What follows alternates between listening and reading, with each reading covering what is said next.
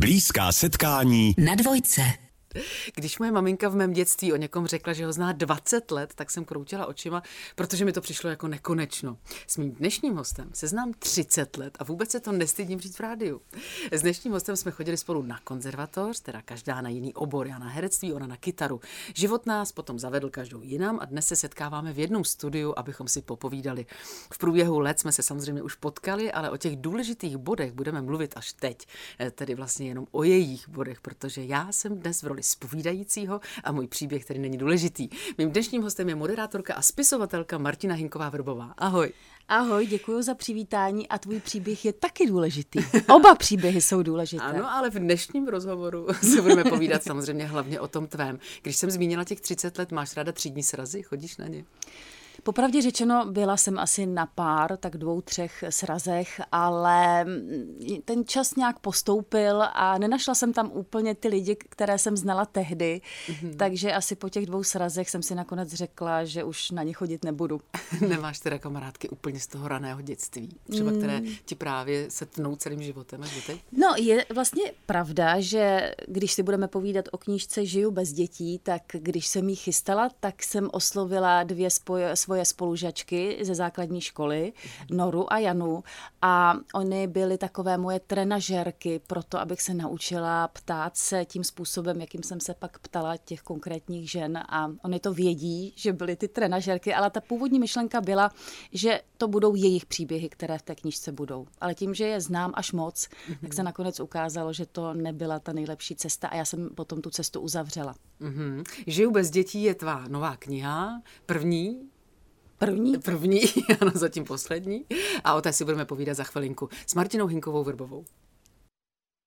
Moderátorka a spisovatelka Martina Hinková Vrbová je mým dnešním hostem. Před velikou chvilinkou jsme už nakousli knihu Žiju bez dětí a to bude asi hlavním tématem, protože to je nesmírně zajímavé. Musím říct, že to velmi zaujalo i mě a to děti mám, mm. ale možná bychom na začátku našim posluchačům mohli říct vlastně tvůj životní příběh. Tím bychom asi mohli začít, než se dostaneme k té samotné knize, protože ta s tím asi souvisí. Kolik máme času, Adel?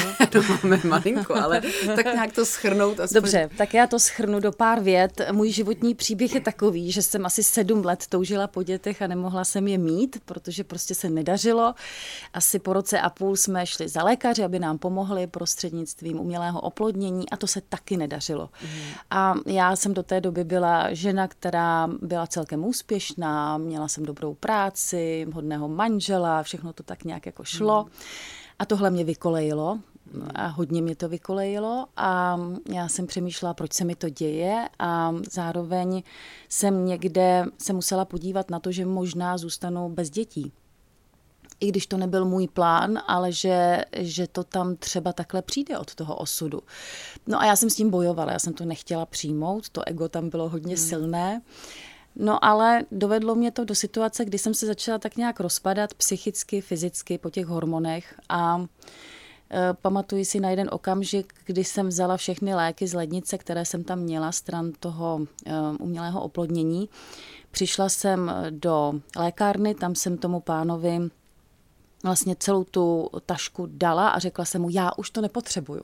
A to mm-hmm. byla mhm. pro mě velká věta, protože pak jsem vyšla před tu lékárnu a vlastně jsem se nadechla s pocitem, tak dobře, matka nebudu, ale já to přijímám. Mm-hmm. A to je důležitý moment, ale si... To je hodně to důležitý moment mm. a dojít tam, tak to je cesta, která je hodně o... Pro mě byla teda hodně o smutku, o utrpení, ale když už to utrpení bylo tak velký, tak jsem si uvědomila svoji sebehodnotu a to, že mi to vlastně za to nestojí se takhle strašně trápit. Hmm, vy jste se ale potom rozhodli pro adopci a pak se vlastně to stalo přirozenou cestou, že máš další dvě svoje děti. Ano. Což je vlastně takový krásný konec toho všeho utrpení, hmm, které hmm. bylo. Ale možná to potvrzuje právě to pravidlo, které říkají všichni. Když na to člověk přestane jako myslet, být takzvaně hysterický v tom, já chci děti hrozně, teď je musíme mít, teď mám plodné dny a podobně.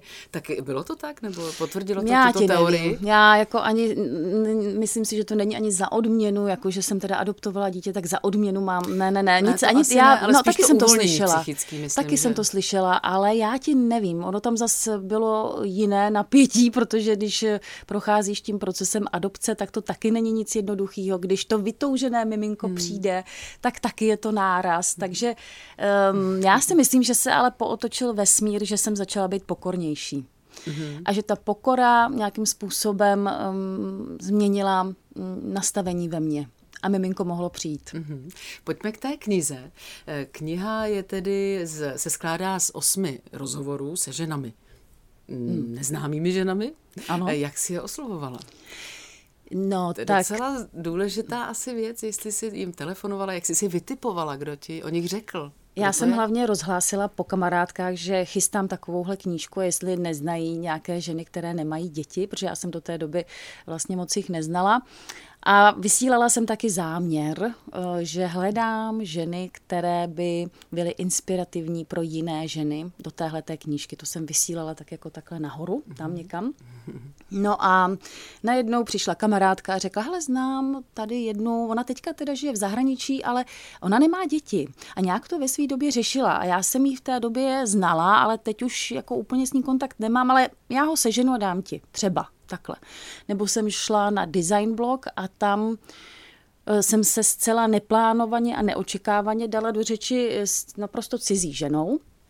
A říkala jsem jí, hele, eh, teda vlastně, já jsem jí neříkala hele, ale já jsem říkala, scháním paní zhruba kolem šedesátky, píšu knížku o bezdětných ženách. Ona se tak na mě podívala a říkala, jo, tu znám. Jsem říkala, vážně? A dala byste mi na ní telefon? Jo, jo, jo. A pak se ukázalo, že to je Hana z toho příběhu, mm-hmm. ta paní kolem té šedesátky a ta, která mi dávala telefon, tak to je její partnerka Alena. Aha, aha, Hmm. aha. Ale jsou tam také ženy, které se rozhodly nemít děti? Ano, tam jsou ženy všeho druhu, ženy, které chtěly děti, nemohly, ženy, které se rozhodly, že nebudou mít děti, ženy, které jsou na té hranici toho, jestli ještě děti budou mít anebo nebudou mít. Ještě pořád by mohly věkem. A pak je tam třeba 96-letá paní, která prožila celý svůj život bez dětí a vlastně se za tím životem jakoby teď se mnou otočila a mm, řekla mi třeba i věci, které vlastně nikomu nikdy neřekla. A svolila, aby to bylo v té knížce, tak toho si hodně vážím. To je fascinující. Život bez dětí nás zajímá s Martinou Hinkovou Vrbovou na dvojice. Povídáme si s Martinou Hinkovou Vrbovou, eh, moderátorkou a spisovatelkou v blízkých setkáních a dostali jsme se ke knize Žiju bez dětí, to je naše hlavní téma dneska. Eh, Už jsme se bavili o tom, jak si oslovovala respondentky, se kterými si dělala rozhovor, ale přece jenom eh, asi každý nemohl být úplně vstřícný, nebo dávala si nějaký čas na rozmyšlenou, psala si maily, nebo si vlastně telefonovala, jak to bylo ten začátek. Já bych se třeba bála zeptat. No, já jsem se taky bála, proto jsem tam měla ty spolužačky ze začátku, eh, na kterých jsem si to trošku jako odzkoušela a eh, pak posílena tady tuhletou zkušeností jsem se tedy odvážila nějakým způsobem tu ženu oslovit, většinou tedy eh, to bylo přes telefon a Vlastně jsem jí řekla ten záměr, že píšu knížku o tom, že ženy nemají děti některé a že bych ráda to téma trošičku pozvedla a jestli by byly ochotné vlastně se se mnou sejít. To bylo důležité vylákat na tu schůzku. A když jsem je vylákala na tu schůzku, tak eh, tam jsem jim vlastně řekla, ještě ten záměr jsem trošku rozšířila, eh, řekla jsem jim, proč si myslím, že to je důležité. Řekla jsem jim vlastně i ten svůj příběh bezdětnosti, aby to nebylo eh, tady nějaká novinářka, moderátorka, chce tady po mně příběh, ale já jsem jim vlastně dala ten svůj. A na základě toho jsme si začali povídat a na základě toho jsme začali objevovat, jestli to na to je nebo není. Mm-hmm. Jestli ten příběh je dostatečně hutný, aby to utáhnul. No a pak jsme se začali postupně potkávat. Vždycky tak 14 dní byla pauza a pak jsme si zase něco řekli na hodinu, pak jsme o tom přemýšleli obě dvě a takhle se šlo vlastně čtyřikrát za sebou. Takže takový měsíc, měsíc a půl jsme spolu prožili. Vždycky s tou jednou respondentkou. Mm-hmm. To jsem si právě říkala, proč byly důležité ty čtyři schůzky, protože přece já ten svůj životní příběh ti řeknu za hodinu. No právě. Mluvím ti to na diktafon. Mm-hmm. Proč vlastně jsi se vracela? Nebo co jste mm-hmm. rozpitvávali víc? Nebo jste mm-hmm. se k tomu potom vraceli k určitý pasáži toho života? Tak my máme naučeno o svém životním příběhu něco říkat. A říkáme to svým známým, lidem, se kterými si povídáme. A takhle se odehrávaly ty dvě první schůzky. To takové to, co jsme zvyklí říkat. Ale potom to třetí, mm-hmm. čtvrté setkání bylo o hloubce. My jsme najednou už přestali mluvit v těch uvozovkách frázích, mm-hmm. v mhm. tom naučeném a ocitli jsme se v prostoru, kde ta žena ještě vlastně takhle jako nebyla dotazována. Vlastně v prostoru, který neměla až takhle zmapovaný. A tam najednou se začaly odehrávat hrozně zajímavé věci. A to bylo pro mě úplně výživa a to je, myslím, gro té knížky. Nebála jsi se ptát na opravdu takové hodně intimní věci? No, já jsem si to nechávala až právě na ten třetí, čtvrtý, eh, dá se říct jako vstup, mm. když to řeknu moderátorský, ale ono samozřejmě se ukázalo, že já se nemůžu ptát jako moderátor, mm. protože když jsem se ptala a čekala ty odpovědi, tak oni mi právě říkali ty výseky. Uh-huh. A já jsem nakonec zjistila, že se nesmím ptát vůbec. Takže jsem jim řekla, že mají, jako ať si představí svůj život jako takovou velikánskou zahradu, kde uh-huh. jsou místa, kde je plno kytek, voní to tam, eh, je tam nejrůznější hmyz, pak jsou tam místa, která jsou v polostínu a pak úplně taková ta temná, kde skoro žádný slunce není. A ať si představí, že takovouhle zahradu mají a kam mě zavedou, tam mě zavedou. A téma je bezdětnost. Mm-hmm. A oni nějak začali.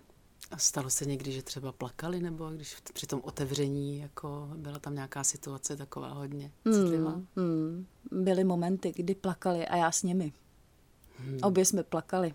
Dávali jsme si navzájem kapesníky. Hmm. Hmm. Ty jsi namluvila takhle na diktafon asi 6 hodin. Bylo to asi opravdu hodně, pak ti to doslova někdo přepisoval v nakladatelství. Petra Havelková, já ji musím zmínit, protože ano. bez ní by ta knížka nebyla. Ona nejenom, že je skvělá redaktorka, ale zároveň právě přepisovala ty rozhovory hmm. a to opravdu bylo hodně, hodně textu. Zůstalo tam potom úplně všechno? Ne, ne, ne. Muselo se to nějak dramaturgicky no to jsem, jako zkrátit? No, to je právě ta práce hmm. moje na té knížce, protože já, jak jsem to celé namluvila, tak jsem pak tohle dostala v tom textu na těch mnoha, mnoha, mnoha, mnoha, mnoha, mnoha stránkách. A já jsem musela vlastně postavit tu linku, odkaď kam půjdeme, protože my jsme se bavili na přeskáčku, to nebylo nějaké lineární povídání. To bylo na přeskáčku, chvíli jsme mluvili o tom, pak najednou jsme mluvili úplně o něčem jiném. Takže já jsem musela sestavit celou tu osu toho povídání a to mě strašně bavilo. Já jsem vlastně zjistila, že to je pro mě úplně neprobádaný svět, který mě velmi baví. No zkrátka si se stala spisovatelkou.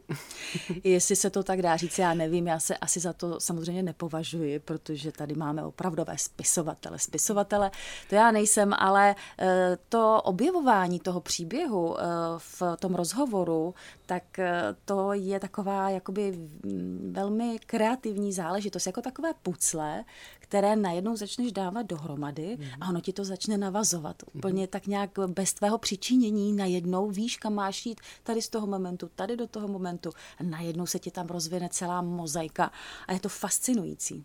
Já se to ale nebojím říct, že dnes je se mnou ve studiu moderátorka a spisovatelka Martina mm. Hinková-Vrbová. Děkuju.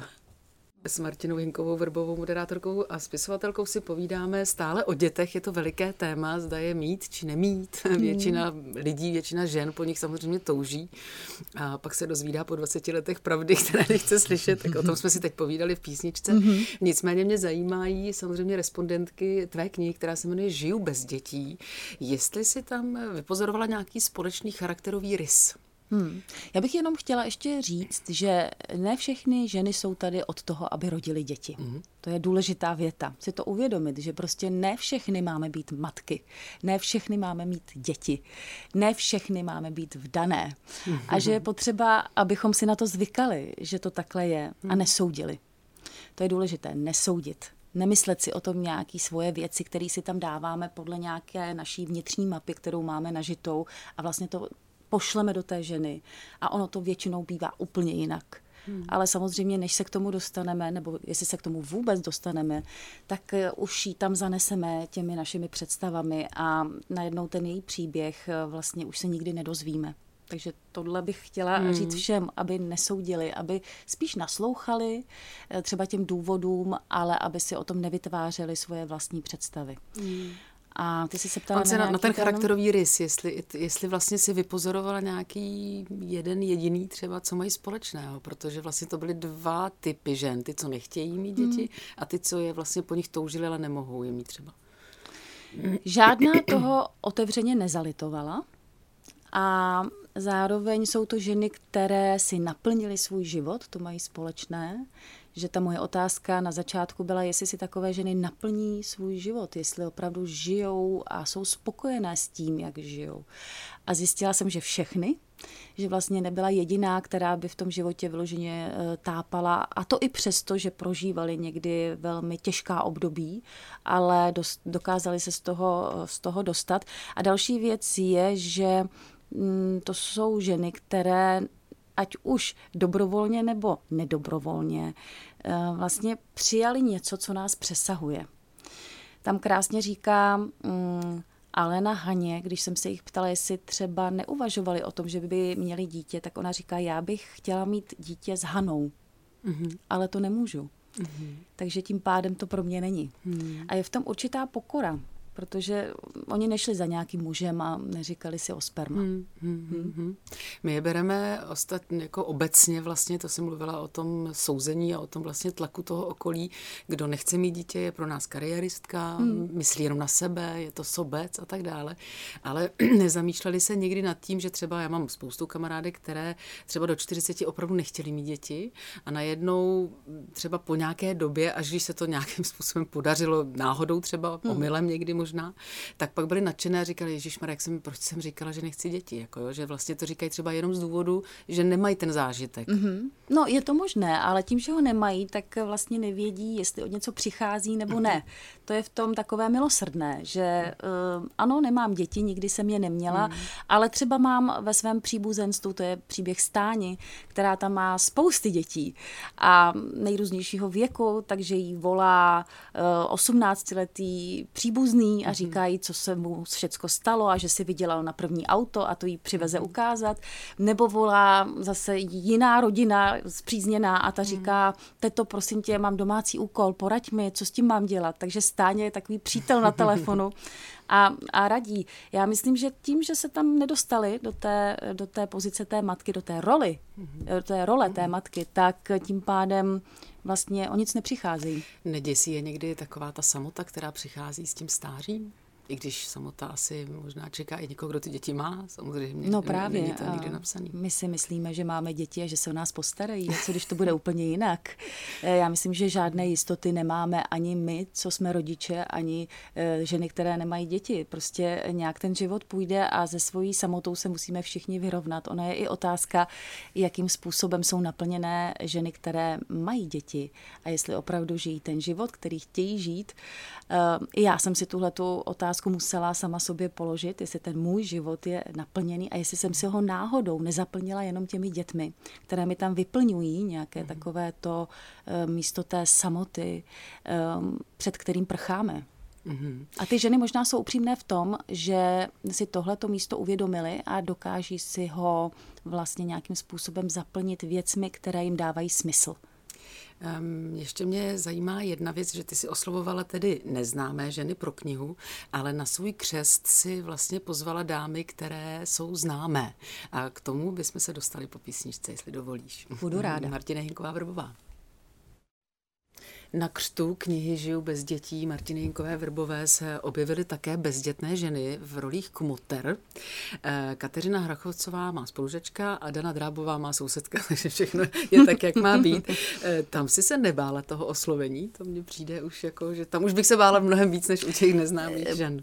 Pravda, bála jsem se a bála jsem se toho odmítnutí, ale zároveň jsem věděla, že když je kniha o ženách, které nejsou nějak známé mediálně, takže potřebuju na tom křtu eh, ženy, které budou mediálně známé, aby trošičku vlastně to téma také vynesly.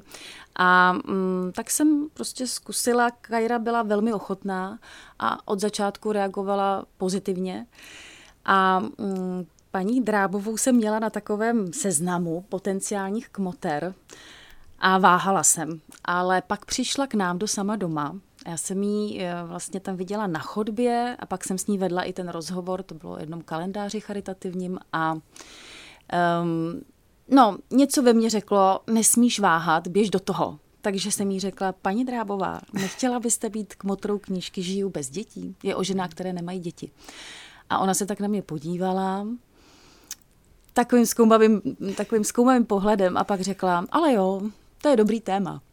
tak muselo ti bušit srdíčko, kdyby řekla, no co si to dovolujete třeba. No, tak já jsem byla připravena. Bylo to trošku riskantní, ale když už jsi zmínila pořád sama doma, tak eh, ty si ho léta moderovala s naší úžasnou tady kolegyní Stáňou Lekešovou, teď si o ní dokonce namluvila krásný pořad Úžasné životy, který šel teď o víkendu, mimochodem je pro naše posluchače, kdyby neslyšeli, tak hmm. také na naší aplikaci Můj rozhlas, stále tam je ke slyšení.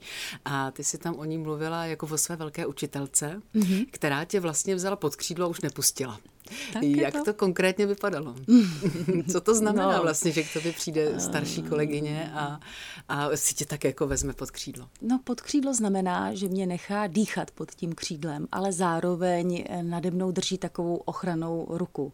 Samozřejmě nejde to pořád, ale na začátku je to třeba, když vlastně přijde moderátorka do takového pořadu, je to živý přenos, tak potřebuje ty zkušenější, aby jí nějakým způsobem provedli tím přenosem, aby jí naučili různé techniky, fígle, jak co dělat.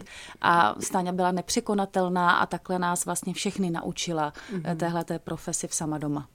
Eh, stali jste se i přítelkyně, dělali jste to spolu opravdu hodně let. Byl to hmm. pořád ten pracovní vztah, anebo ona třeba o tvých strastech věděla a konzultovala to s tebou? No právě, Stáňa byla velmi empatická hmm. a Stáňa uh, se zajímala. To byla taková její povaha, že se zajímala o druhé přirozeně, nehrála to, to byl opravdový zájem a ona se mnou právě tu mojí bezdětnost velmi prožívala, mm-hmm.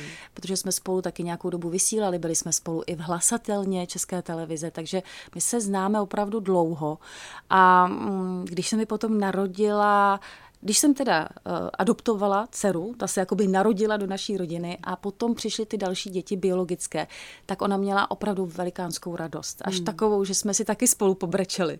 Z toho, že já teda už jsem konečně ta máma. to je hezké. Ty si během těch let potom měla ještě další kolegyni, taky takovou stálici, ta ti odešla, Janu Havrdovou, myslím. Hmm. A teď máš mm, asi mladší, myslím, takovou. No, o dost. O dost mladší. O dost mladší. Jsi právě ta kolegyně, která jí naopak pomáhá, tak jí vzala po ty křídla? Snaží se dělat to samé, co ta Stáně Lekešová? To je hezká otázka, Adélo, a já právě na ní myslím, na tu Stáňu, jakým způsobem mi provázela a snažím se tak nějaký uh, napodobit. Samozřejmě jsem zase někdo jiný, dělám to jinak, ale chci té Katce dát to nejlepší uh, země, co by jí mohlo pomoct tu profesi rychle zvládnout, ale ona je velmi šikovná Katka, velmi mm. přirozená, takže tam je to opravdu jenom o maličkostech, který tak jako uhlazujem spolu, ale ona, ona si ví rady.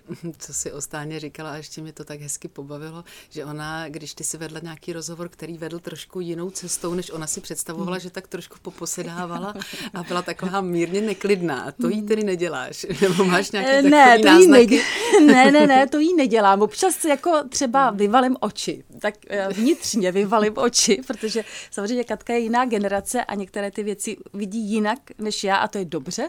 Takže tak vnitřně třeba chvilkama tak jako ustrnu, ale eh, je to, je to fajn, že ona tam je, protože ten náš kolektiv zase ještě omlazuje a No, stáně poposedala a trošku mi tím jako štvala.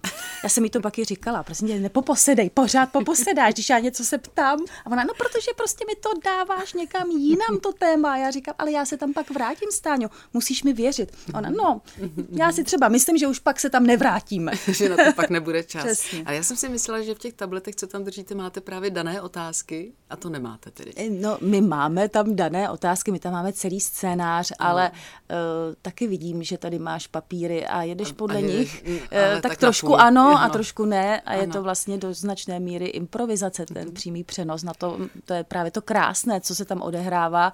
Takže a Stáňa ta jela úplně bez ničeho. Mm-hmm. Ta si psala mm-hmm. jenom jména hostů a kameru, kam má začít a mm. tím to končilo. Ona dokázala udělat rozhovor s kýmkoliv, i se mm-hmm. sněhulákem.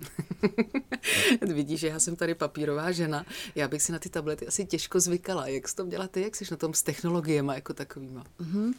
No já jsem měla Janu Havrdovou a Jana Havrdová je velký příznivec eh, všech inovativních procesů a když Jana zavelela a řekla, budeme mít tablety, A vzala si ho a začala v tom fungovat. Hmm. Tak já jsem si říkala, tak mám být ta, která jako bude v tom, že ne, hmm. a nebo teda se jí nějakým způsobem budu snažit přizpůsobit a nakonec jsem zjistila, že to byl dobrý krok, že ten tablet je fajn. Mm, já bych měla strach, že to zhasne, vypne, někam to zmizí. My tam máme záložní scénář papírový, kdyby se cokoliv dělo, ale zatím, a už s tím vysílám takový čtyři roky, tak se nikdy nic nestalo. My tam samozřejmě máme servis k tomu tabletu, takže hlídáme, jestli je dobitý, jestli se nikde nic nestrácí a je to výborná věc, jenom roluješ. jo, vlastně si to zvětšíš podle toho, jak chceš, protože taky už ten zrak občas to, že jo, tak už neslouží tak, takže my si to píšeme velkými písmeny. A dokonce i Ester Janečková, která je také takový příznivec toho člověk. papíru, tak eh, tuším, že už taky přechází právě kvůli tomu, že na to líp vidí. jo, to je pravda, to je dobrý důvod. To je ale není jediný projekt, který v České televizi děláš sama doma, tam tě samozřejmě diváci výdají asi nejčastěji, ale k tomu dalšímu projektu se dostaneme za chvilinku. Já bych vlastně měla mého dnešního hosta, moderátorku Martinu Hinkovou Vodbovou, vlastně představit jako moderátorku pohody, což je na taková sestřička. Ty vlastně tam v 11 hodin, když bys nebyla tady, tak bys možná byla někde opatro výš, níž, nevím, kde O dvě patra. O dvě patra. Výš. Výš, výš ano, výš. Samozřejmě, to je níž, tak to mohlo napadnout. Ale od 11. hodiny tam tedy vysíláš kolotoč. Je to tak? Je to tak? Co to je za pořad? Představ nám ho. O, tak kolotoč je známý, Adelo, to je prostě evergreen českého rozhlasu, ano. takový to tam tady dadí, da, ta, ta, da, ta, máte tam tu znělku. Máme ji tam, máme tam různé rubriky, ať už je to paní Jakoubiová o tom, jak vařili naši předci, nebo Dobrá rada Josefa Černého, prostě máme tam spousty takových zajímavých rubrik a mm, máme tam i nějaké naše příspěvky moderátorské, a jak magazín. to mohou slyšet? Já to mám služby, tak eh, vždycky nějakou dobu ano, nějakou dobu ne, jak to přijde, hmm. jak zrovna můžu. Dneska jsem tam měla být. No, a kvůli právě tobě jsem si tu službu vyměnila. A my si, jsem toho, tady. my si toho velice vážíme. Jenom ty to tam máš malinko stížené o to, že my si tady tak hezky povídáme vlastně jako v kavárně a máme k tomu tady zvukového mistra, kdežto ty si to tam takzvaně taháš kliky sama. Je to tak? No já jsem i zvukový mistr, teda když to takhle si nazvala, tak ano, já jsem tedy moderátor i zvukový mistr a já přijdu do studia, které je komplet zhasnuté. Tam jede vlastně vysílání na takového pilota, je to tam celé předpřipravené v tom systému, v tom daletu. No a já musím rozsvítit to studio, musím si udělat kompletní přípravu, tedy tu textovou, pak musím podívat se do toho daletu, srovnat si tam písničky, dát si tam znělky, jingly, linery, všechno tohleto. No a pak se musím přepnout do uh, živého vysílání, na to nesmím zapomenout, to se mi se mi už stalo. Takže jsi vysílala takzvaně do zdi. No ano, a nevěděla jsem to. Tak to samozřejmě není jako dobré, ale já už tam mám velikánskou ceduli přepni se do živého vysílání, takže se přepnu, no a pak už jedu zprávy, ty odbavuji. A co ty se dělo v tom rádiu jako ven? Co slyšeli posluchači, když ty se nepřepla? No, tam, potom, tam potom je takový záložní systém, který tam dá písničky, takže jo, jo. posluchači slyšeli písničky a mě slyšeli asi 10 minut poté, co měl začít kotoč. No, neměla bych to říkat, ale prostě se to stalo, protože přeci jenom mám blíž k tomu slovu, než k té technice. Ano, ano. Ještě děláš takový pořad, který mě u tebe velice překvapil, protože je úplně odinut a člověk by to od tebe nečekal. Jmenuje se K poctě zbraň hmm. na ČT2 a to jsi si sama vymyslela, to je tvůj projekt.